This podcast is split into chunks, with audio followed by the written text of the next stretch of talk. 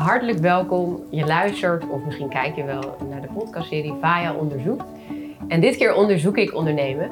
En heb ik de twee prachtige zusjes verder hier bij mij op de bank in Purmerland. Zij starten hun onderneming, hun sieradenlijn, verder en verder in 2016. Met een lening van, als ik het goed begrijp, een buurman of een bevriende relatie van 10.000 euro. En inmiddels staan ze in de Forbes the 40 lijst. Uh, en hebben ze een omzet van 10 miljoen. Heb ik dat goed gelezen? Ja, je bent toch wel goed op de hoogte. Ja, ben ik goed op de hoogte. Super goed gedaan. Welkom hier bij de podcast. Hoe gaat het met jullie? Ja, goed. Ja. ja. Dat is een mooi begin van het jaar. Ja. Eigenlijk was het, al, was het begin januari toen we dat hoorden. En toen ging het allemaal best wel heel snel. Want je hoort het en je staat er meteen in. Ja, dus, eh, je hoort dat je genomineerd bent. Ja, maar is dat dan ook zo met een, dat kon ik niet vinden, met een uh, eh, 1 tot met 40 lijst? of is het gewoon je staat in de lijst? Ja, het, het was volgens mij wel een uh, nummering, maar ik heb geen idee op welk nummer. Uh, was het nummering? Nee, het was geen nummering. Oh, Het is nou. gewoon een lijst. Ja. ja. het is een lijst met de meest invloedrijke internationale ondernemers. En jullie staan daar als enige Nederlanders in. Ja. ja, en ze kijken ook heel erg van wat je bijvoorbeeld ook buiten ondernemen doet om impact te maken naar de wereld. En we hebben natuurlijk een podcast en uh, doen... Videoland-serie. Ja, Videoland-serie. Dus we, we, deden er heel veel dingen naast. En daar kijken ze ook heel erg naar. Dus het is echt een compliment. En het mooie ervan is dat het op jullie vision board stond. Ja. En daar wil ik natuurlijk vandaag alles over weten. Ja. Want ik ben heel benieuwd naar de manier waarop jullie ondernemen en hoe dat kwam. Maar laten we dan helemaal even teruggaan naar het begin. Toen jullie nog klein waren. Jullie zijn met z'n drieën, hè? Een zusje? Ja. Die is jonger als jullie. Ja, die is zeven jaar jonger. Oké. Is dat ook de reden dat zij niet met jullie in dit bedrijf zit? Ja, ik denk dat toen, wij startten waren onze levens nog heel anders. Ik denk als we nu hadden gestart dat het best wel eens mogelijk zou kunnen zijn dat we met z'n drie iets hadden gedaan. Maar toen was ze gewoon nog een stuk jonger. Ja. En wij deden alles al samen. Dus voor ons was het al heel vanzelfsprekend. Want kunnen we even teruggaan naar jullie opvoeding? Hoe zijn jullie opgevoed en hoe waren jullie ouders? Uh, nou, we zijn heel nuchter opgevoed eigenlijk. We komen uit Nijkerk. Dat is een boerendorpje vlakbij Amersfoort. En iedereen kent elkaar eigenlijk. En we hebben ook een hele grote familie die heel hecht is met elkaar. Dus iedere zondag uh, ja, zaten we samen, uh, spraken we elkaar. En ja, dus en alleen het ondernemen is niet ons met de paplepel ingegaan. Nee, want wat, wat doen jullie ouders? Uh, onze vader werkt bij de Rabobank, bij de beveiliging. En onze moeder die werkt met verstandelijk gehandicapten. Oké, dat is dus totaal iets anders dan ondernemen. Ja, ja, maar onze moeder heeft wel ze is wel ondernemend van geest. Want ze heeft ook dingen opgezet en ze was altijd heel creatief. Dus dat hebben we wel echt van haar. Maar het is niet dat zij echt eigen bedrijven opstarten. Dus toen wij dat wilden doen, toen zeiden mijn ouders ook van... Nee, dit moet jullie echt niet doen. Dit is een slecht plan. En... Ja, want toen jullie gingen studeren, jullie hebben gestudeerd allebei, toch? Ja. Wat was de richting? Communicatiewetenschappen. Wat wilde je dan later worden? Ja, dat had ik dus echt geen idee van. Dus, uh, maar ondernemer was eigenlijk nooit dat dat in me opkwam of zo. Dat ik dat wel eens kon worden. Dus dat is echt wel op ons pad gekomen. En dat merk ik wel, dat heel veel ondernemers... die zeggen, ja, ik wilde ondernemer worden en ik wist gewoon niet waarin. Maar wij hadden zeg maar... Je wilde geen ondernemer worden en je wist ook niet waarin? Nee, dus ik, wij wisten echt totaal niet wat we wilden gaan doen. Toen ik aan het studeren was in Amsterdam, uh, communicatiewetenschap... toen dacht ik nog dat ik gewoon bij de Rabobank of zo gaan, zou gaan werken op de marketingafdeling, zoiets... Dus het is echt wel gegroeid, omdat we echt een passie hebben voor uh, sieraden. Ja, oké, want dan, dan is dat er dus wel geweest vanaf het begin, ja. passie voor sieraden. Ja. ja, onze moeder gaf altijd sieradenworkshops in, in haar vrije tijd. En wij gingen als klein, kleine meisjes altijd mee en dan gingen we gewoon kraaltjes uitzoeken. En, uh, dus toen hebben we heel erg geleerd hoe je dat moest doen. Dus op een gegeven moment waren we 15 of 16. En toen kon zij een keer niet. En toen zei ze, nou, waarom geven jullie het niet uh, in plaats van mij? En toen dacht ik, ja, dit is leuk. En je kan helemaal zelf je tijd indelen en ik kan zo geld verdienen. En toen dacht ik, ja, weet je, dit is wel echt veel beter dan... Uh, maar toen was je 16? In de fabriek werken, want we hadden ook in de appelflappenfabriek gewerkt. En hoe oud waren jullie toen? Ja, echt 15 of zo. Dat was een beetje rond dezelfde tijd. Ja, en toen dachten we echt, oh, wat moet je hard werken voor een spijkerbroek. Dat, het was echt, want ik dacht, ik ga nooit meer een spijkerbroek kopen of überhaupt iets duurs. Nee, want we stonden dus gewoon achter de lopende band, stonden dus bij die appelflappen. En toen zeiden we tegen elkaar: Oké, we gaan nu een uur niet op de klok kijken. En toen zei S op een gegeven moment: Oké, ik denk dat dit uur nu wel voorbij is. Toen keken we op de klok: Vijf minuten. en toen dachten we echt, oké, eh, we moeten iets gaan bedenken, want dit kan niet ons hele leven zijn. Oké, dus dan, je had wel het inzicht zeg maar, op dat moment van dat je iets anders wilde en geld wilde verdienen. Was daar wel een drijfveer voor geld? Ja, en we hadden, want we hadden het er laatst over, toen we aan die eh, lopende band stonden, eh, in de appelfabriek heb je dus heel veel gesprekken met elkaar. En toen gingen we altijd fantaseren over ons leven die we later zouden hebben. En hoe zag dus dat dan, eruit? zouden, dan gaan we, gingen we naar, in Amsterdam wonen. En En dan hadden we ook een rijbewijs en misschien wel een auto. Ja, en dan, En dan konden we wel de dingen doen die we wilden doen. Hoefden we niet meer in de appelflapfabriek te werken. En, Maar hoe zagen die dingen er dan uit? Waren die heel specifiek? ja, die waren heel specifiek en heel levendig, was dat ook wel. En heel gedetailleerd. En nu achteraf denk ik, hé, eigenlijk waren we toen gewoon een beetje aan het manifesteren, zonder dat we het eigenlijk wisten. Ja, en er zat heel veel gevoel bij. Ja, ja, Want ik wil dat echt. Ja. En, eh, hoe En- ziet dat er dan uit? het is zo grappig, want je zit zeg maar in een appelflapfabriek aan een lopende band. Met een mutsje op. En je hebt gewoon een leuke dag, omdat je alleen maar in je gedachten ben je al in de toekomst, ben je leuke dingen aan het doen. Dus dat was heel erg een tijdsverdrijf voor ons toen. Ja, en dan fiets ik door Amsterdam, weet je wel. Zo. En hoe lang hebben jullie dan precies in die appelflapfabriek gewerkt? Ja, in alle vakanties deden we dat. Ja, Ah ja. ja, dus Ja. het was echt een vakantiebaantje. Dus Maar toen we waren waren jullie dus zeg maar nog nooit in- 15, eh, 16. En, Ja. Want je Ja. moeder heeft wel je meegebracht van dat je je eigen geld dan moest verdienen voor die Ja. extra dingen. Ja. Die waren heel streng Ja. met geld verdienen. Ja. Maar ik vond geld verdienen ook echt leuk. Dus dat heb ik Ja. altijd al wel gehad. Volgens mij jij, jij ook. Ja. Maar, we hebben ons- Maar ook omdat ik vroeger niks kreeg. Ja. En dan wil je wel die Nike's Ja. of een keer inderdaad eh, Ja, een dat wat duurdere wij ook, broek. ja. En dat kreeg ik dan niet. Ja, Dus dan Ja. ga je ervoor werken. Maar op dat moment, toen we zo aan het fantaseren waren over bijvoorbeeld dat we in Amsterdam zouden wonen, waren we alleen nog op de Kalverstraat geweest. Oh ja. Dus we- Dus je wilde daar wonen Ja, omdat maar- daar een soort idealistisch beeld over was. Ja, maar we. En dat was de stad van de trams, en weet je wel, het was echt Oh, ja. heel iets groots en magisch voor ons, maar we wilden daar gewoon wonen. Oké. Ja. En toen gingen jullie aan de keukentafel die sieraadjes doen. ja. En wat gebeurde er toen? En toen zijn we dus op een gegeven moment naar eh, Amsterdam dus verhuisd om te gaan studeren. Ja. Eh, want we waren klaar met onze middelbare school. En toen dachten we, nou, we kunnen nu wel eh, in de kroeg gaan werken om, om de hoek ergens in Amsterdam. Of we kunnen die workshops gaan geven. En dan bij alle studentenverenigingen met moeder-dochterdagen. Ehm, ja, ja, wij dachten gewoon... Die zoeken veel- allemaal activiteiten. Best Veel wel ondernemend wel. ja. Ja, veel makkelijker om op zo'n manier geld te verdienen dan dat we echt werktijden ergens hebben. Want nu kunnen we het zelf indelen en kunnen we ook zelf zorgen dat we veel meer geld verdienen eigenlijk. En er zat een passie achter van, het- van het sieraden maken. Ja, dus hadden vonden dus jullie allebei heel leuk om Ja. te doen? Dus we hadden dus die kralen van mijn moeder hadden we overgekocht. Van onze spaarcentjes, zeg maar. Van de appelflappen. Ja, van de appelflappen overgekocht. En we hebben dus allemaal van die flyers gemaakt. En die hebben dus aan allemaal studentenverenigingen en zo gegeven. En op een gegeven moment kregen we dus aanvragen van... Nou, hoeveel man? Ja, van honderd mensen Ja. of zo.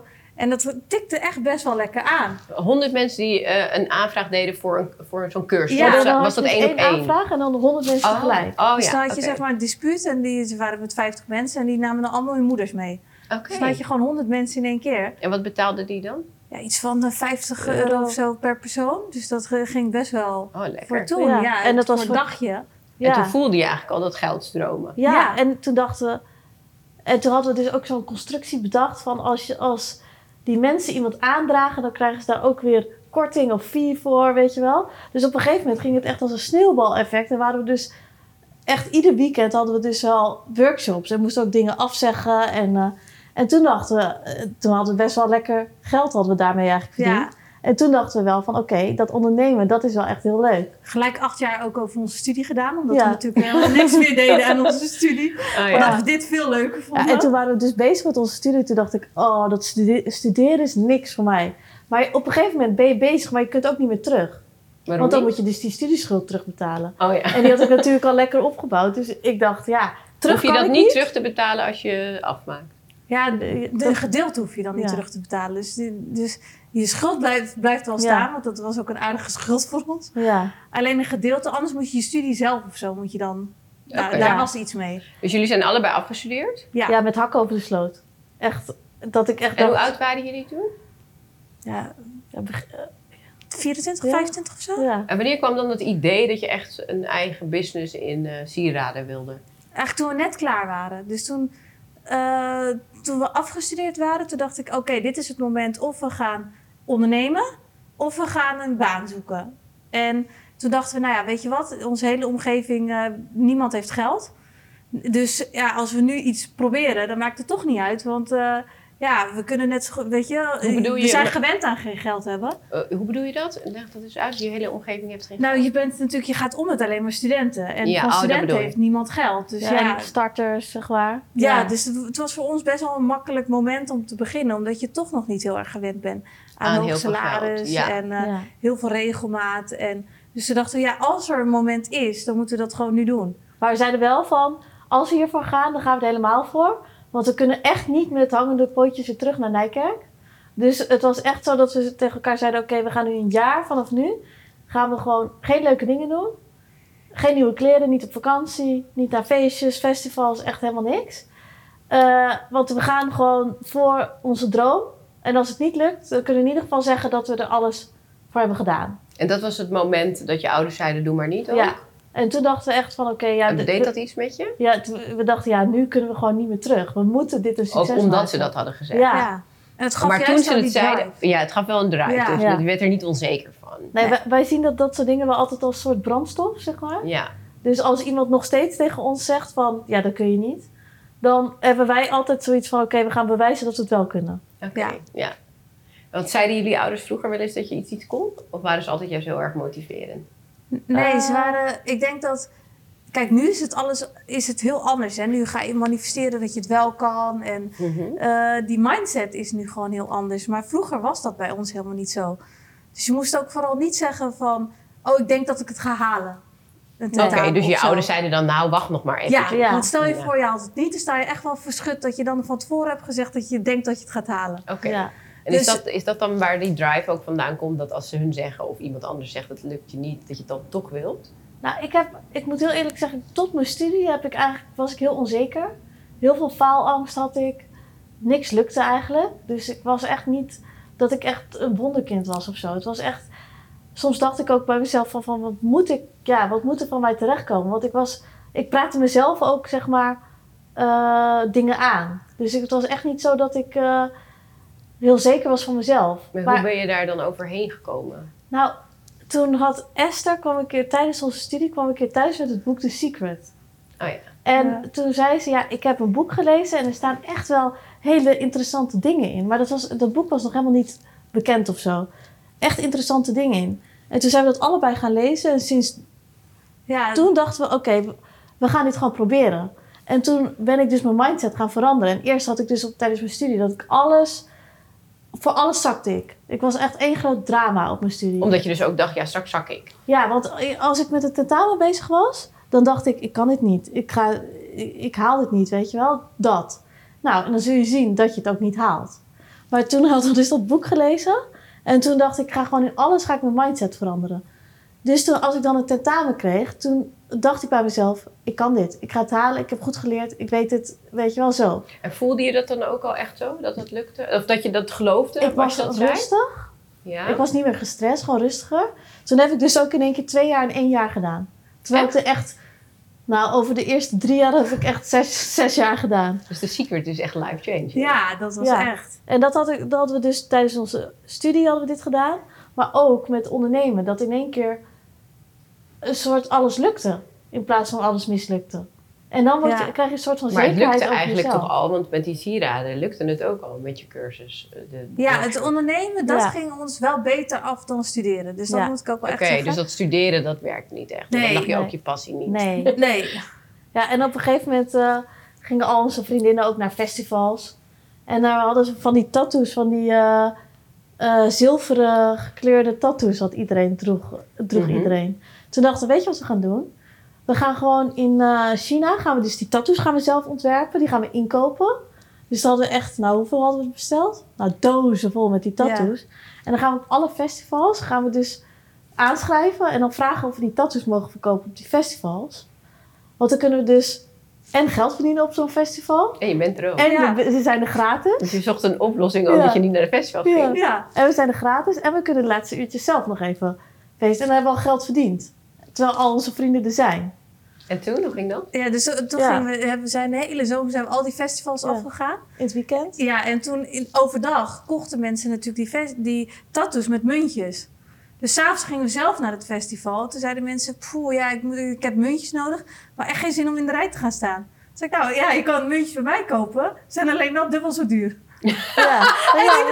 Ja, boeit, boeit Ja. niet. Ik heb geen zin om in de rij te staan. Ja. Ik zei, oké, hoeveel wil je er? Nou, hier al die muntjes Ja. weer Of verkopen. dan gingen we naast de rij staan van zo'n... eh, Muntjesding? Ja. Ja, om, om die muntjes gewoon te verkopen die we al hadden verdiend met die tattoos. Maar mochten jullie wel die tattoos verkopen of hadden jullie, deden jullie dat Ja, gewoon dat illegaal? wel. Oh, Ja, wel. maar dan kon je anders later die muntjes weer inleveren of zo. Nee, ja, dat kon dus niet. Oh, dus je moest een manier dus ik vinden. moest ze kwijt. Ja. Ah ja. Dus of ik ging het hele festival tracteren, of ik Ah, dacht, ja. ik ga Ja. ze gewoon proberen weer te verkopen. Oh, ja. Maar dat ging ook best wel goed. Maar goed, dus in principe hebben we altijd een beetje ons leven gewoon leuk gemaakt. Ja. En creatief gedacht ook om door geld te verdienen, zeg maar. Ja. Want met z'n tweeën, weet je wel, je maakt er sowieso een leuke dag van. Eh, en we houden wel van werken. Dus het is ook nooit dat we... Ja, we gingen daar gewoon vanaf een uurtje of twaalf, terwijl niemand er nog was, gingen we Ja. al staan. En Om- toen waren jullie 24, 26 zo. Ja, ja. Ja. En toen kwam dat idee van, eh, oké, we gaan de sierenlijn beginnen. ja, Maar we hebben geld nodig. En toen eh, had ik wel echt... Ik had het idee van persoonlijke sieraden, dus handschriften in sieraden. En toen ik dat zag, toen voelde ik gewoon, dit is het. En dat Je ik zag dat ergens anders of je zag het in je verbeelding? Nou, ehm, ik had zelf een sieraad en ik wilde graag het handschrift van mijn moeder erin. Want die had altijd een heel mooi handschrift. En die, die liet altijd briefjes overal achter. Dus ik dacht, ja, zo, dat is geweldig als ik dat in een sieraad heb. En dan heb ik gewoon een heel uniek sieraad. Dus toen waren we dus gaan zoeken van waar, waar we dat konden doen. En dat kon ik nergens vinden. Toen ben ik dat dus zelf gaan doen, omdat we dus sieraden konden maken. En toen ik dat zag, toen dacht ik echt, waarom bestaat dit eigenlijk niet? Dit is zo leuk. En toen had ik wel echt dat ik, dat ik het aan jou liet zien. En toen zei je ook van, ja, dit is het gewoon. ja. En toen zeiden we, nou, weet je wat? We gaan dit gewoon verkopen. Want dit kunnen we maken. En eh, dit is uniek en dit bestaat nog niet. En er zijn heel veel sieradenmerken natuurlijk. Maar dit doet niemand. Dus hier zijn we echt uniek in. En toen had ik wel echt het gevoel van... Ja, als ik hier niet achteraan ga en als ik hier niks mee doe... dan ben ik gewoon dom. Want dit is het. Dat voelde je En ik, dacht, ik voelde dat en daar geloofde ik echt een miljoen procent in. Dus En toen hebben jullie dat geld geleend, hè? ja, Eh, dat is allemaal in de media natuurlijk geweest. 10.000 euro voor 10% van je bedrijf. ja. Wie heeft toen bedacht eh, destijds dat dat 10% moest zijn? Wat je dan weggeeft. Ja, eigenlijk, eh, dat, dat komt een beetje zo. En dat is dan ook een, een, een aanbod wat je krijgt. En Die 10.000 voelde wel echt als een miljoen. voor ja, dus Ja. dat was ook Ja. wel echt... Kijk, als je geen geld hebt, dan is 10.000 euro gewoon echt heel veel. En ik had ook gewoon toen niet geweten hoe ik het anders had kunnen doen. Nee, dus ja, het is toch ook mooi. Het is een mooi start, startkapitaal Ja, geweest. en je verwacht natuurlijk nooit dat je bedrijf zo groot wordt. Waarom eigenlijk niet? Ja, dat was gewoon... Nou, ik- wij dachten allebei van als we er allebei gewoon van kunnen leven. En met z'n tweeën gewoon een baan eraan hebben. Mhm. Dat was zeg maar ons manifestatiedoel. Ja. En Dus- toen dat was bereikt? Toen, dat, dat- dan ga je dus ondertussen ga je steeds groter denken. Maar op het moment dat je start, dan denk je, ja, als we er allebei van kunnen leven, dan zijn we dus succesvol.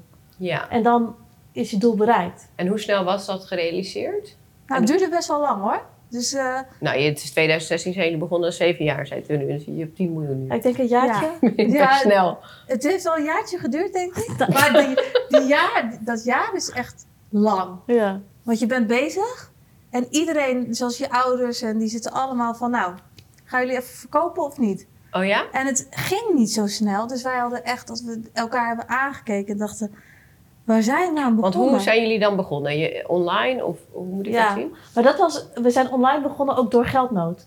Want de meeste eh sieradenmerken die gaan meteen in winkels liggen. Maar wij hadden dus geen geld om van die displaypakketten te kopen. En alles voor te financieren. Ja. En een website dachten we, ja, dan kun je nog tutorials kijken op YouTube hoe dat moet.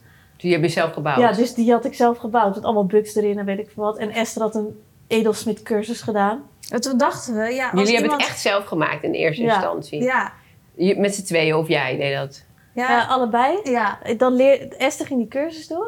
En die leerde het dan mij weer. Oh, Omdat ja. we natuurlijk ook geen geld hadden om twee keer zo'n cursus te doen. En wij Ja. dachten, kijk, op een webshop is het heel handig, hè? Want mensen betalen vooraf. ja. Dus we, gaan, we gingen het ook pas eigenlijk pas Maken. maken Ja. en bijna inkopen als we die bestelling hadden. Oh ja. Dus, en als je naar winkels gaat leveren, dan moet je dus duizenden stuks Ja. gaan voorfinancieren. Besef dat dat Ja. tekort nu echt jullie grootste succes is. Ja. En dat Ja. is Want zo alle marges Ja. is nu voor jullie natuurlijk. Ja. En al die winkels die failliet gaan en dan niet meer betalen en te laat Ja. betalen en alles. En ook nu zijn we net weer begonnen met winkels. En die willen natuurlijk heel graag, ons, omdat we al zo'n naam hebben gemaakt. Dus nu heb je ook een betere Precies, ja. onderhandelingspositie. Maar Ja. ik denk wel, kijk, de- bijvoorbeeld het eerste jaar, heel veel ondernemers die nu starten, die eh, beginnen met een idee. En bij je eigen idee denk je altijd, ja, hier zit de wereld op te wachten. Dus zodra ik live ga, Komt dan iedereen. koopt Ja. iedereen, ben ik uitverkocht, weet je wel. Dat denk je altijd als ondernemer. En dat is ook goed. Alleen op het begin heb je natuurlijk dat alle vrienden, familie, die kopen wat bij je om je te, gewoon te supporten. Maar als die allemaal hebben gekocht, dan moet je het dus echt hebben van nieuwe klanten. Ja. En dat was het moment dat wij gewoon bijna geen bestelling meer hadden. En toen, wat deden jullie toen? En ja, wij hadden net een stagiaire. Nou, die stagiaire moesten we eigenlijk weer ontslaan omdat we geen geld hadden. We hadden geen geld om te lunchen. Nee. Dus we, hadden, we, eten, we aten ei met soepgroenten Ja, elke dag. wel gewoon heel gezond trouwens. Maar dat is dus het moment dus dat heel veel ondernemers stoppen. Omdat ze denken, ja... Alleen ze weten niet dat als je even doorgaat, dat dan het succes op je wacht, zeg maar. Mhm. En je wordt Maar dat moment Maar dat is toch ook het succes. Een, een ondernemer, het verschil tussen een ondernemer en iemand die niet succesvol is, is doorzetten. Ja, Ja, je moet puur eigenlijk een beetje doorzetten. gek zijn, denk ik, om toch door Ja. te gaan. Ja, En ik denk ook wel, schaarste maakt ons altijd creatief. Dus het is, dat, Ja. voor ons is schaarste heel goed. Als wij, wij hebben een aantal jaren achter elkaar hebben we het best wel goed gehad. Zeiden we ook tegen elkaar, we moeten gewoon even terug naar waar we waren. Want het was veel Pas leuker. op hè, ja. wat je zegt. Ja, ja. Pas op wat je, want ik las in een interview dat je soms, als, je, als, de, als de pinpas eh, te lang duurt, dat je denkt, oh, staat er geen saldo op. Dat je nog, maar ik als ondernemer ervaar echt dit. Het gaat wel zo omhoog, maar soms is, zit ik wel te spelen met geld. Hebben jullie dat dan helemaal niet meer? Wel. Wel, ja. Wij hebben... Jullie hebben ook dat personeel en wat er allemaal aan investeringen. Maar, maar laten we heel even nog even teruggaan naar wat er toen gebeurde. Want toen waren die klanten dus weggebleven. En toen, wat deed je toen om die klanten weer naar je toe te trekken? Of voor de eerste keer eigenlijk naar je toe te trekken? Nou, toen zijn we wel echt eh, heel duidelijk echt, eh, doelen gaan stellen. Van we moeten dit omzetten per maand. En het was echt niet veel. Dus het was eh, eh, dat we net uit de kosten waren. Toen zei En toen zeiden we tegen elkaar, maakt niet uit linksom of rechtsom. We halen dat gewoon. Dus we moeten echt, als, het, eh, als we nog drie dagen in de maand hebben... dan gaan we maar van alles verzinnen om dat alsnog te halen. Maar op een gegeven moment ben ik zelf ook mensen berichten gaan sturen via Facebook. Die andere merken hadden geliked of zo. Om, met het idee om, of ze misschien wat wilden kopen. Omdat we wel onze target moesten halen. Ja. Dus eigenlijk was ik, soms een beetje stalkerig, denk ik ook wel. Oké. Ja. Dus En toen, je, je- jullie, op, op een gegeven moment is je schaamte ook gewoon weg. Dan, je, Ja. Omdat je, je moet het gewoon laten slagen. Dus we dachten, ja, hoe we het doen, doen we het. Maar, maar ook die adem moeten- van die ouders in je Ja. rug. En toen zei ik tegen Esma, hoeveel denk je dat we dan per maand moeten omzetten? Toen zei Esther, ja, ik denk wel echt 10.000 euro of zo. En toen dacht ik echt, oh mijn god, 10.000 euro de maand, dat is zoveel. Dat krijgen we nooit. Dat dacht, ik, toen was jij nog weer even een beetje negatief. Ja, Ja. maar dat vond ik toen heel veel. Ja. Maar als En je- waar was dan dat omslagpunt? Nou, toch wel. De, we hadden geen hoge doelen, maar als je elke maand wel even je doel haalt. Dus ik denk dat dat ook wel. Je moet niet te hoge doelen voor jezelf stellen, want het is heel deprimerend als je het nooit haalt. Dus wij hadden toen gezegd, nou weet je wat, we gaan gewoon echt haalbare doelen voor onszelf stellen. En ook al is het niet de wereld, het zijn wel doelen die we hebben gehaald. En dan kom je wel weer even in de positieve flow. Ja. Dus eigenlijk ging het vanaf dat moment weer eventjes... Weet je wel, de doelen gingen halen die we gesteld hadden, ging het wel weer... Beetje bij beetje ging het, ging het beter. Ja, en we hadden ook een fles champagne. En dan hadden we dan dat doel met een viltstift opgeschreven.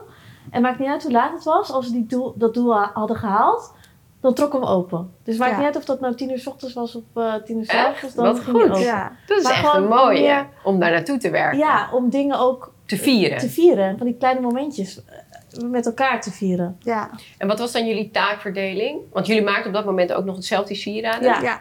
Ja, ik ben meer creatief en anders iets meer eh, gestructureerd.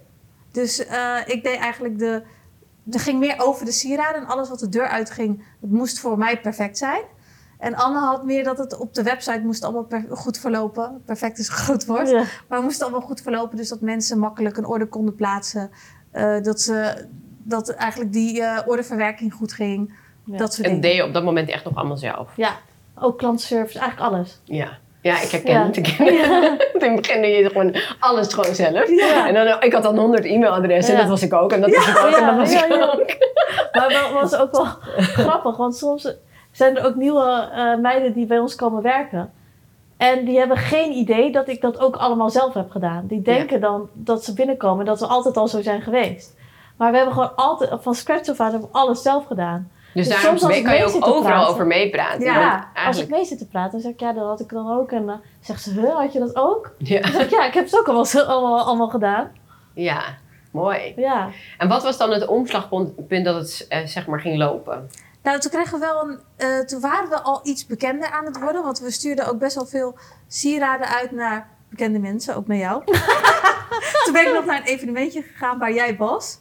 Voor jou, omdat ik dan Oh. een sieraad kon geven aan jou. Ja, maar mijn dochter, mijn dochter herinnerde dat volgens mij wel. Was het met mijn na- naam van mijn dochter? Ja. Ja. Ja, ja. Ja, en eh, nou, op zo'n manier ging ik dus gewoon dat ik dacht, ja, zij hebben wel bereik en wij hebben het nog niet. Dus stel je voor, ze plaatsen er wat over. Het was echt nog helemaal niet Geen influencer, dat was nog helemaal niet, hè? Dus mensen plaatsten Dus dat gewoon- idee kwam bij jou gewoon op om dat te doen. Ja, en toen dacht ik wel van, ja, mensen die plaatsen toen nog echt wat omdat ze het leuk vonden. Niet omdat ze er betaald voor kregen of... Ja, eh, en dat algoritme was ook Veel mij beter. heel anders Ja, dan veel het- beter. Ja, want toen was het echt een soort sneeuwbaleffect van Ja, volgers en berichten die je kreeg dan. ja. Dus dan hadden we echt wel hele originele dingen hadden we toen gedaan. Dus eh, bijvoorbeeld eh Carice van Houten, die had ook de naam van een kindje. En dat had ze dan opgeschreven. En toen was ze ook net bevallen.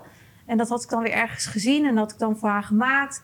En zo hadden we gewoon naar een paar mensen... We gingen ook heel specifiek gingen mensen opzoeken. Dus het was echt niet dat we zeiden van... eh, oh, hier hebben we honderd sieraden, die sturen we gewoon lukraak uit. Nee, want we hadden natuurlijk... eh, alles was kostbaar voor ons. ja. Dus dan gingen we echt goed nadenken van voor wie is het nou echt leuk? Nou, en toen gingen we dat echt als cadeautjes dus weggeven. Dus we verwachten er op zich ook niks voor terug. Dus alles wat we ervoor terugkregen was mooi meegenomen. Nou, en een paar keer kregen we daar wel... Lieve luisteraar, even een klein berichtje van mij tussendoor. Misschien is het je ontgaan of misschien heb je hem al. Ik heb een heel mooi nieuw boek geschreven, het Killer Mindset boek. In 12 stappen de echtste versie van jezelf. Het is een boek waarin bewustwording absoluut centraal staat en ik ben er erg trots op. Maar wat misschien nog wel veel leuker is, is dat ik eind dit jaar in het theater sta met een Killer Mindset Tour. En dit wordt een interactieve tour, eh, talk eigenlijk, waarin jij centraal staat, muziek, dans, ademhalen, noem het maar op. Alles is aanwezig en ik hoop jou daar te zien. Je kunt de ticketlinks hier onder de podcast vinden. echt wat voor, voor terug. Of dat ze dat plaatst op Facebook toen ook nog. En dat had echt een bereik van eh, je wil niet weten. Dus ja, toen ging het balletje ook wel een beetje rollen. Eigenlijk was het gewoon een beetje die influencer marketing dat toen nog veel beter werkte. Ja, dat maar we hadden ook dat we bijvoorbeeld een keer, dat was de tijd van de MH17. Ja. Oh, ja. Eh, en dat we een ehm, eh, moeder die kwam naar ons toe en daarvan was ze- haar zoon was eh, overleden tijdens de vliegtuigramp. Alleen die had toen, voordat hij wegging, had hij een briefje op de keukentafel neergelegd. Met ik ga nu weg, eh, ik hou van je, zoiets. Lieve mama. Mhm. En toen zei ze, ik wil iets van dat briefje wil ik in een sieraad. En toen hebben we dat voor haar gemaakt. En toen heeft ze dus een heel lang verhaal heeft ze op eh, Facebook gezet. Met een foto van het sieraad erbij. En die ging toen echt Ja, helemaal viral op eh, Ja. Facebook. En dat was toen ook wel het punt dat we dachten... oké, ja, we zijn toch echt anders dan alle andere sieradenmerken. Omdat er zoveel betekenis zit aan ons sieraad. Ja. En ja. dat Oh. zorgde gewoon voor een mega sneeuwbaleffect ook in de verkopen. ja, en toen kwam de Hudson B kwam net in Amsterdam. Oh ja. En die hebben toen echt voor een ton bij ons ingekocht. Echt? En die hele Hudson B is failliet gegaan. Maar dat was wel onze, hele onze eerste echt grote deal. Oh, dus ze hadden wel al betaald. En toen dachten we, Want nou, er is ook wel veel Ja, gezeik uitgekomen, maar wel dat we dachten... Maar oh, wel, ze hebben wel betaald. Ja, dus ze hebben toen wel betaald. Ze moesten nog, nog ja, zij wilden natuurlijk alles weer terugsturen. Ja. Dat was allemaal gedoe. Maar het was wel dat, dat zo'n grote partij ons zag. Dat was ook wel weer dat we dachten, hé, hey, we vallen toch op. Ja, want jullie zijn ook be- benaderd door de Bijenkorf, toch? Ja. En daar, daar gingen we pop-ups doen. Dus met moederdag, met kerst gingen we Maar daar... in hoeverre waren jullie toen al groot dat de Bijenkorf jullie benaderde? Was dat dan door social media? Nou, of dat kwam dat dan? grappig verhaal. Ja, dat was eigenlijk echt helemaal op het begin nog. En dat kwam weer door The Secret. Want ik zei, we waren toen net begonnen. Echt net, ik denk niet eens een paar weken. Dus echt net. We hadden nog geen verkoop, niks. En ik was secret aan het lezen. En dan moet je één groot doel hebben wat je graag wil behalen. En daar moet je dan de hele tijd over, over nadenken en dromen. En toen zei ik tegen Anne, onze sieraden worden verkocht bij de Bijenkorf. En toen zei Anne, nou, Ik had het droom niet gelezen. lekker verder. Dit is echt, eh, nou, dit gaat nooit gebeuren, bla bla bla. Ik zei, nee, wacht maar. We gaan echt, onze sieraden worden echt verkocht bij de Bijenkorf. Ik had erover gedroomd, het was zo helder, ik zag alles voor me. Dus op een gegeven moment, ik was zelfs nog bezig gewoon met een soort van afstuderen of zo. Dus ik zat op de VU in Amsterdam. Kreeg ik opeens een berichtje van de Bijenkorf. Van, we hebben jullie eh sieraden gezien en willen graag een afspraak maken. Toen zei ik tegen Anne, ja, je neemt me in de maling, hè? Jij hebt gewoon iets gefaked of zo en je zit me nu te mailen. Ze zei, nee, echt niet. Ik zei, ja, maar jij bent de enige waar ik tegen heb verteld. En nu heb ik dit. Ja. En eh zei ze, nee, echt niet. Ik beloof het, ik heb niks gedaan. Dus ik zo, nou, eh, gek ja. Dus nou ja, laten we maar terugmailen. Nou, toen hadden we echt een afspraak bij de Bijenkorf. Dat ze dus die sieraden wilden gaan verkopen daar in pop-ups. Omdat het allemaal persoonlijk was en dat het heel uniek was. Oh ja, mooi. Ja, en dat zijn wel kleine overwinningjes. Wat En, wel... heb, en, en ben je dan heel erg met die secret nu nog steeds bezig? Als je kijkt naar waar je nu staat en waar, je, waar jullie naartoe willen? Of is dat nu een soort van...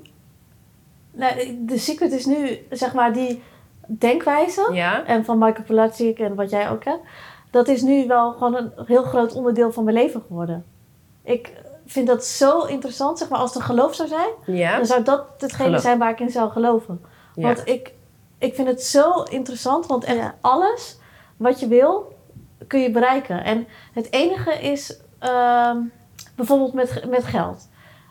Dat is dat, denk ik ook echt wat de filosofie. Het is even makkelijk om bijvoorbeeld 1 euro te verdienen dan een een miljoen. miljoen. Hebben de maar- weerstand. Het enige wat jij denkt is dat 1 euro weinig is en een miljoen veel.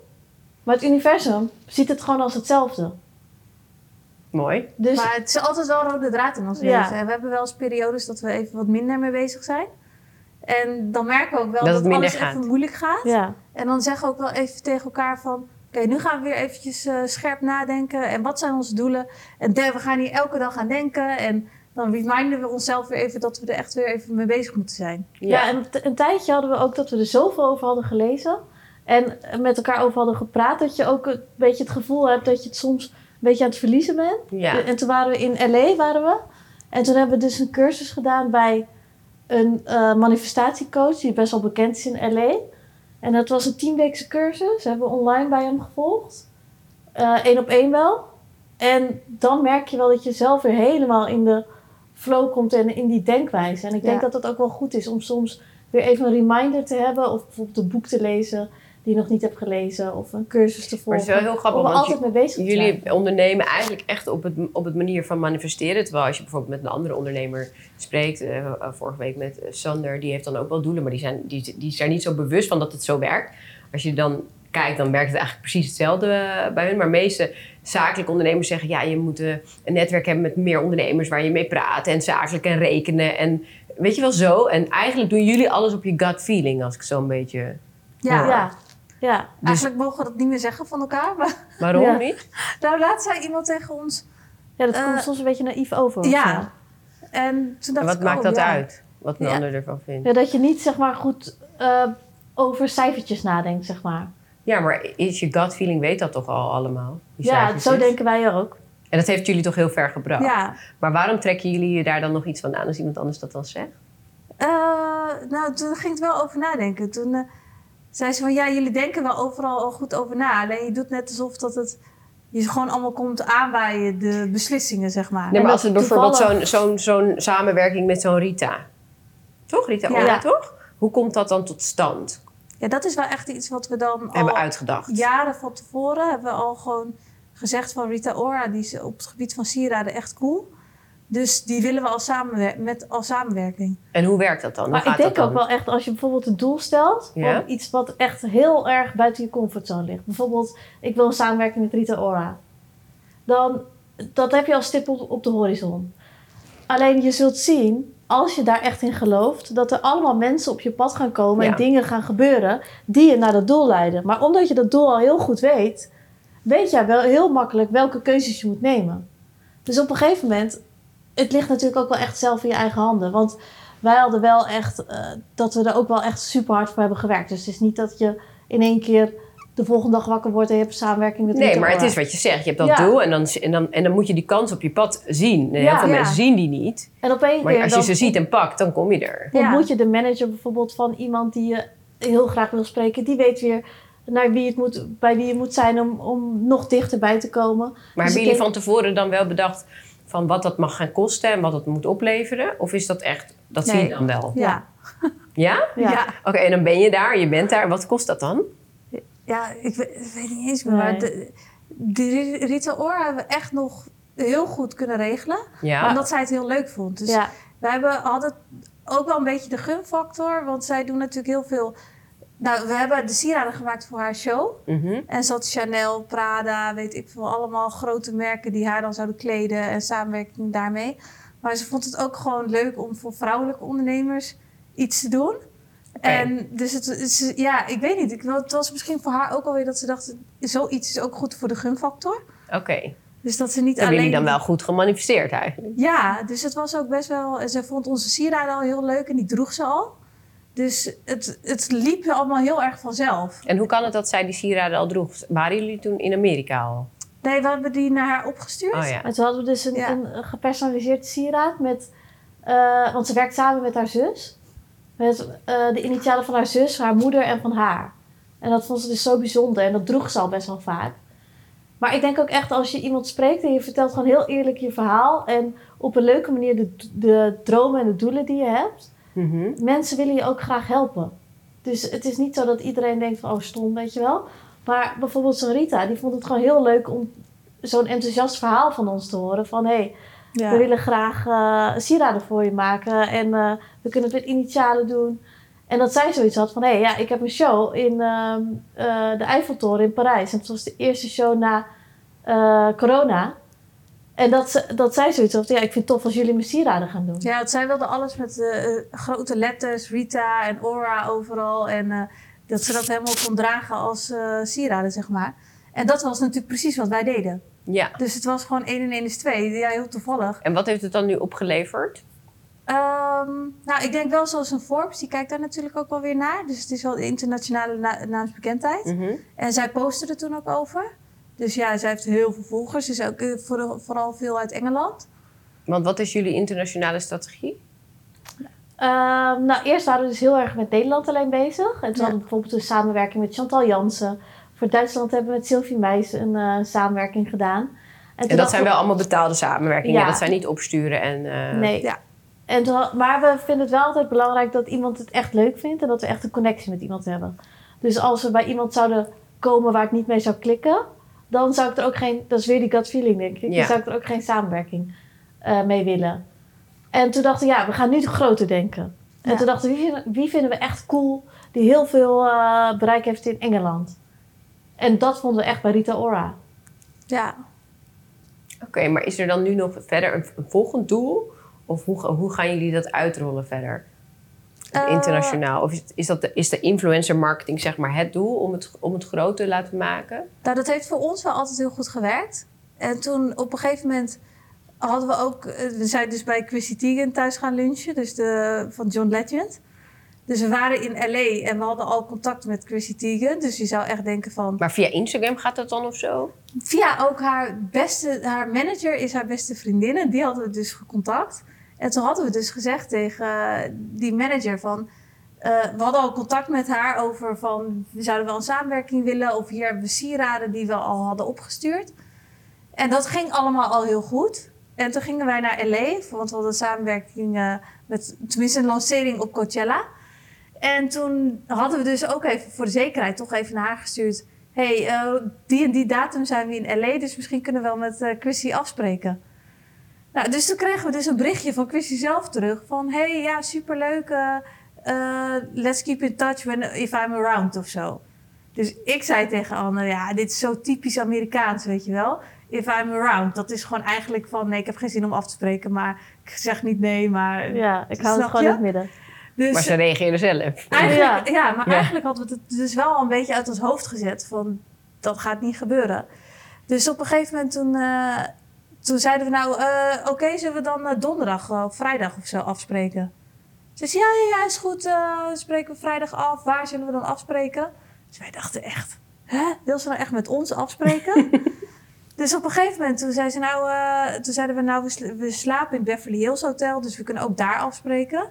Dus ja, is goed, om twee uur spreken we af bij Beverly Hills Hotel. Dus wij dachten echt, Ja. Huh? We waren al helemaal niet meer. We hadden onze vlucht op donderdag teruggeboekt. Dus we dachten, we zijn er dan eigenlijk helemaal niet meer. Dus wij. Dus onze vlucht omboeken. Maar toen dachten we nog steeds van, we worden in de maling genomen, want dit gaat echt niet door. Dus op een gegeven moment op donderdagavond, het was inderdaad op vrijdag, toen stuurt ze een bericht van, eh, nee, eh, we gaan toch niet bij Beverly Hills Hotel afspreken, we doen het bij mij en dan ga ik een lunch voor jullie maken. Wat zijn jullie dieetwensen? En dit is mijn adres. Ja, Dus wij echt zo, huh? ja. Dus de volgende dag dachten we, nou, het gaat dus echt gebeuren. Dus wij om twee uur naar het eh, adres toe. Ja, en sto- stonden we daar. Had ze echt een hele lunch voorbereid. En eh, bij haar thuis hebben we gewoon geluncht. En Nou, ik durfde geen hapje te nemen, want ik dacht, ja, weet je wel, je bent zo zenuwachtig, weet je wel. Dus dan staan, die hele tafel stond vol met hapjes, nou, ik durfde geen hapje te nemen. Ah. Maar echt, ja, Maar heeft het dan ook iets zakelijk opgeleverd verder? Behalve wat bekendheid, eh, als je kijkt naar cijfers. Eh, nou, ik denk wel dat alle kleine dingen die je doet, of grote dingen, het is maar net hoe je het ziet, die dragen niet per se bij aan omzet meteen. En heel veel, je kijkt natuurlijk wel het eerste gelijk naar omzet. Van heeft het Mhm. voor de omzet eh, bijgedragen? Mhm. Maar voor ons was het ook heel erg dat het gewoon bij heeft gedragen aan bijvoorbeeld een Forbes die dan opeens een, een eh, Zo- ja, krijgt. ik en denk een- dat soms iets, zeg maar, wat je doet, kan net het, missen, het puzzelstukje zijn waardoor een puzzel samenkomt, zeg Ja. maar. En dat hoeft dat niet meteen in geld op dat moment Mhm. te betekenen, maar dat kan het wel op de bigger picture later. Kan En wat het is die bigger picture dan bij jullie? Eh, nou, mijn, mijn bigger picture was wel om, zeg maar, dat iedereen in Nederland sowieso het merk verder en verder kent. Dat was mijn. Dat, En nu? Wat is dan? en toen we net begonnen, als ik dan vertelde dat ik verder en verder had, dan was ik verbaasd als iemand het kende. En nu als iemand het niet kent, dan denk ik, oké, wat doen we niet goed? Waar heb je dat niet gezien, snap je? Ja. Dus ja, en ik denk wel, dat leiden, die kleine dingetjes leiden allemaal naar je grote doel. En dat hoeft dan niet meteen dezelfde dag of dezelfde week te zijn, maar dan kan het ook een paar jaar later zijn. Ja. En als je nu kijkt naar waar jullie nu staan en waar, hoe jullie zijn begonnen, hè, ben je dan nu tevreden?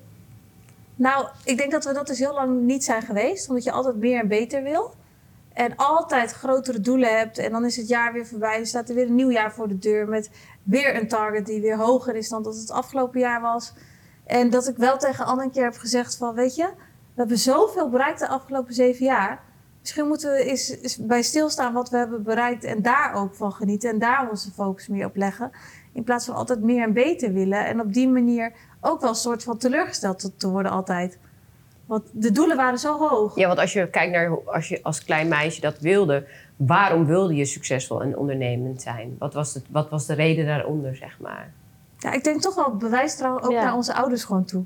Slaat nergens op. Ja, Van, Nee, maar dat- het wel. Nou, het, het slaat wel ergens op. Het, het is eigenlijk best wel logisch als je ouders altijd zeggen: ja, doe maar niet. En weet je, je wil ook laten zien hoe het, hoe, het, hoe het wel kan. En ook laten zien: kijk, ik kan het wel. Ja. Maar was er niet een soort van doel onder van... ehm, ja, ik wil vrijheid, financiële vrijheid. Ik wil alles kunnen kopen wat ik wil. Een, een, een materialistisch doel. ja, mijn doel was wel echt om werk te hebben.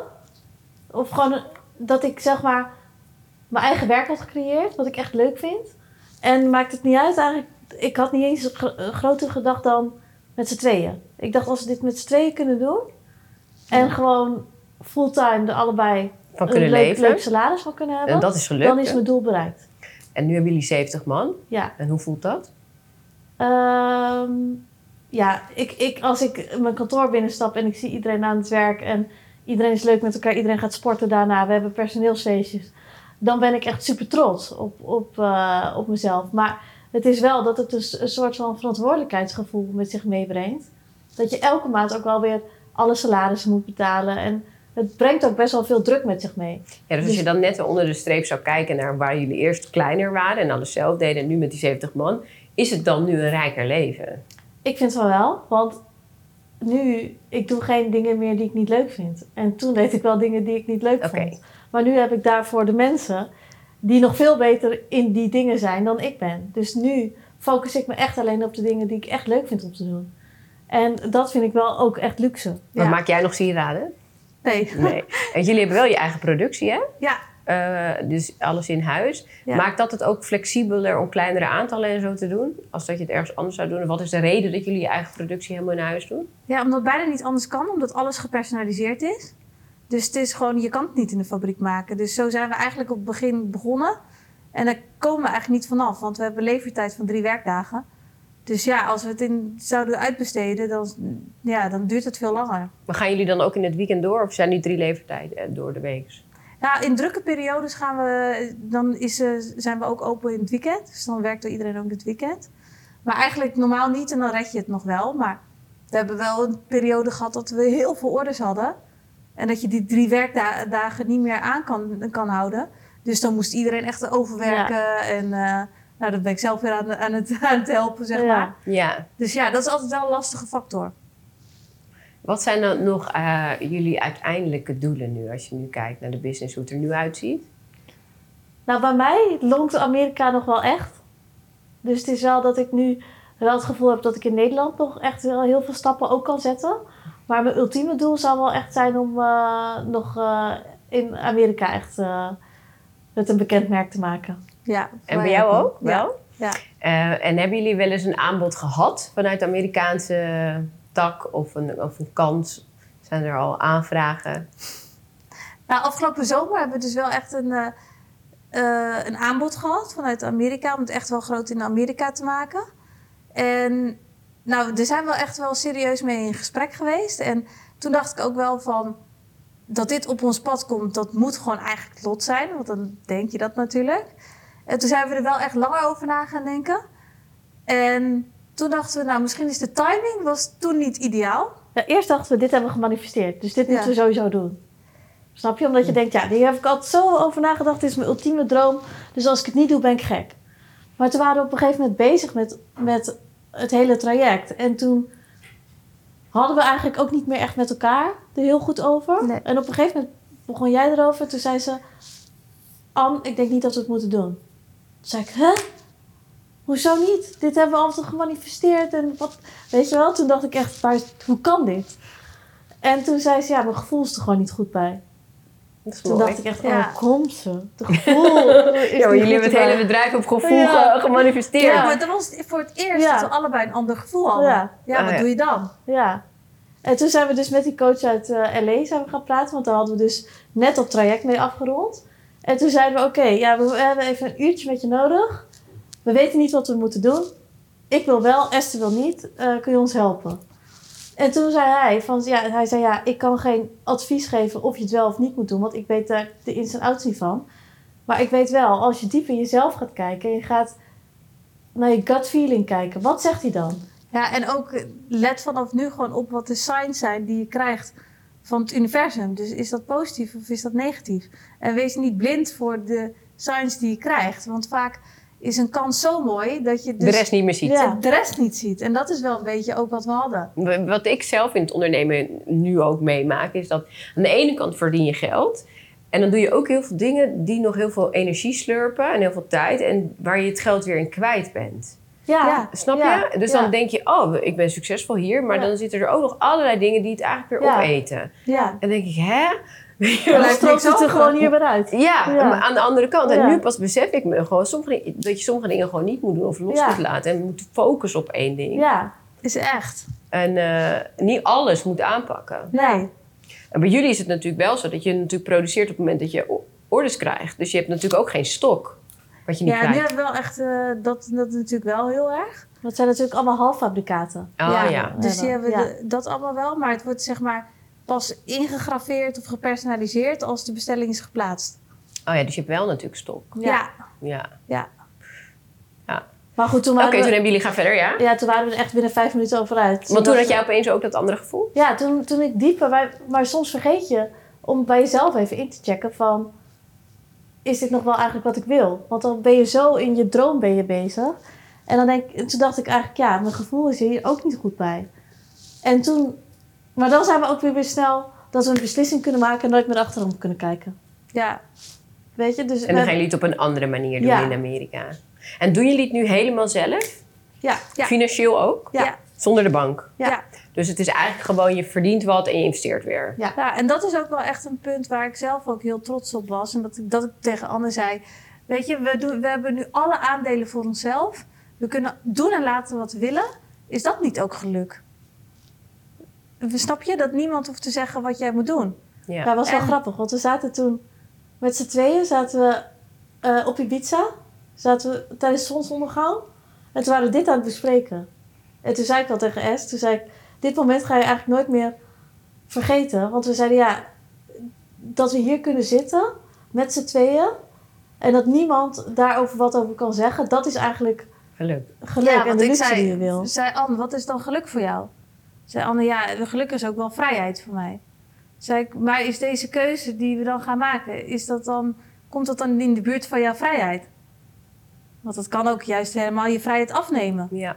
Toen zei ze, nee, ja, het kan ook dat dat mijn vrijheid afneemt. Toen zei ik, ben je dan uiteindelijk gelukkiger of, of niet dan dat je nu bent? Toen zei Anne, nee, ja, ja, ja, misschien moet het gewoon maar gewoon zelf ook gewoon op een andere manier proberen. En toen dacht ik wel, ja, dat is ook zo belangrijk om daarbij stil te staan. Van wat maakt jou echt Gelukkig. vanuit je hart gelukkig? En dat is vaak niet het allergrootste succes van de wereld hebben, maar het zijn weer hele andere dingen. Ja. Dus daar proberen we nu wel echt bewuster van te zijn ook gewoon. Ja. Mooi. Ja. Mooi. Zo groei je ook wel in Ja. je ondernemerschap natuurlijk. Hè? Ik vind het echt bijzonder hoe jullie dit hebben gedaan. Knap gedaan. Mooi Dankjewel. bedrijf. Dankjewel voor dit gesprek. Ja, Ja, graag Ja. gedaan. Ik vond het leuk om je te zijn. ik ook. Wat een ongelofelijke inspiratiebronnen zijn deze twee vrouwen. Ik vind het echt super mooi dat Anne vanuit een onzekere, ja, een onzeker meisje eigenlijk is uitgegroeid tot zo'n succesvolle, zelfverzekerde vrouw. En het eigenlijk begon bij het lezen van een boek, The Secret. Dat ze ook zag bij het lezen en het toepassen van, eh, van The Secret, dat haar leven meteen positief veranderde. En dan zie je maar weer dat als je er vertrouwen in hebt, dat de wet van aantrekking werkt, dat het ook werkt. En het werkt natuurlijk niet alleen in hetgeen wat je leuk vindt, het werkt ook in hetgeen wat je niet leuk vindt als je daarop focust. Want alles waar je aandacht aan schenkt, dat groeit. Dus focus je op allerlei beren op de weg en angstige gedachten. En dan is dat wat je krijgt van het universum. Ik zelf leef echt op deze manier, maar soms vergeet ik het ook wel eens. Dat hoorde je ook wel terug in het gesprek met Anne en Esther. Het is wel goed om eh, bijvoorbeeld de secret op je nachtkastje te leggen. Of in mijn Killer Mindset boek, want dat gaat hier ook over. Maar niet alleen hierover. Maar ik leef dit wel echt. En toch, door met hun te kletsen, heb ik ook weer wat dingetjes toegevoegd. Zoals bijvoorbeeld de champagnefles met het doel. Je moet ook doelen vieren. En, en dat vergeet ik soms nog wel eens. Als je dan een mooie mijlpaal hebt gehaald, dat je dan het doel eh, ja, vergeet te vieren eigenlijk. Ik ben enorm onder de indruk van wat ze hebben neergezet. En ik vind het zo mooi ehm, dat zij het echt leven. Dus dat ze, heel veel mensen lezen een boek en dan, ja, dan gaat het in de kast. Maar ze hebben het echt toegepast in hun leven. En als je iets toepast in je leven dagelijks, dan ga je echt veranderingen zien. Dus als je wil dat je leven anders is dan het nu is, dan heb je iets anders te gaan doen. Want anders krijg je hetzelfde als wat je altijd hebt gehad, omdat je hetzelfde doet. Nou, deze podcast is natuurlijk om mijn boek Killer Mindset ook eh, te promoten. En dat gaat helemaal hierover.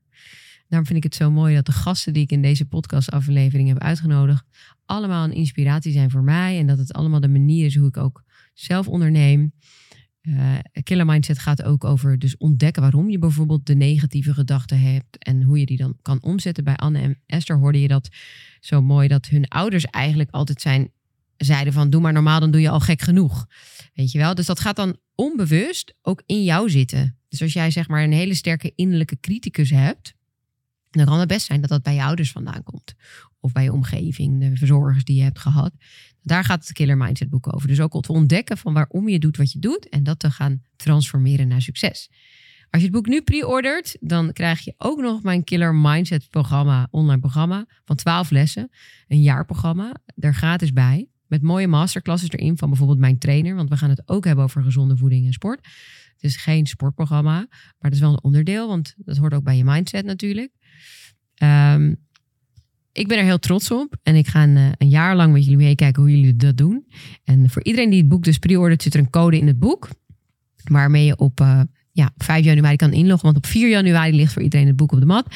En dat is dan ook wel weer een mooie stok achter de deur om het nieuwe jaar echt te gaan werken aan jezelf. En nou eens te gaan nadenken over wie ben ik? Wat wil ik het liefste? En hoe ga ik dat bereiken? Dankjewel voor het luisteren naar deze podcast en uh, tot volgende week. Lieve luisteraar, even een klein berichtje van mij tussendoor. Misschien is het je ontgaan of misschien heb je hem al. Ik heb een heel mooi nieuw boek geschreven, het Killer Mindset boek. In 12 stappen de echtste versie van jezelf. Het is een boek waarin bewustwording absoluut centraal staat en ik ben er erg trots op. Maar wat misschien nog wel veel leuker is, is dat ik eind dit jaar in het theater sta met een Killer Mindset Tour. En dit wordt een interactieve tour, uh, talk eigenlijk, waarin jij centraal staat, muziek, dans, ademhalen, noem het maar op. Alles is aanwezig en ik hoop jou daar te zien. Je kunt de ticketlinks hier onder de podcast vinden.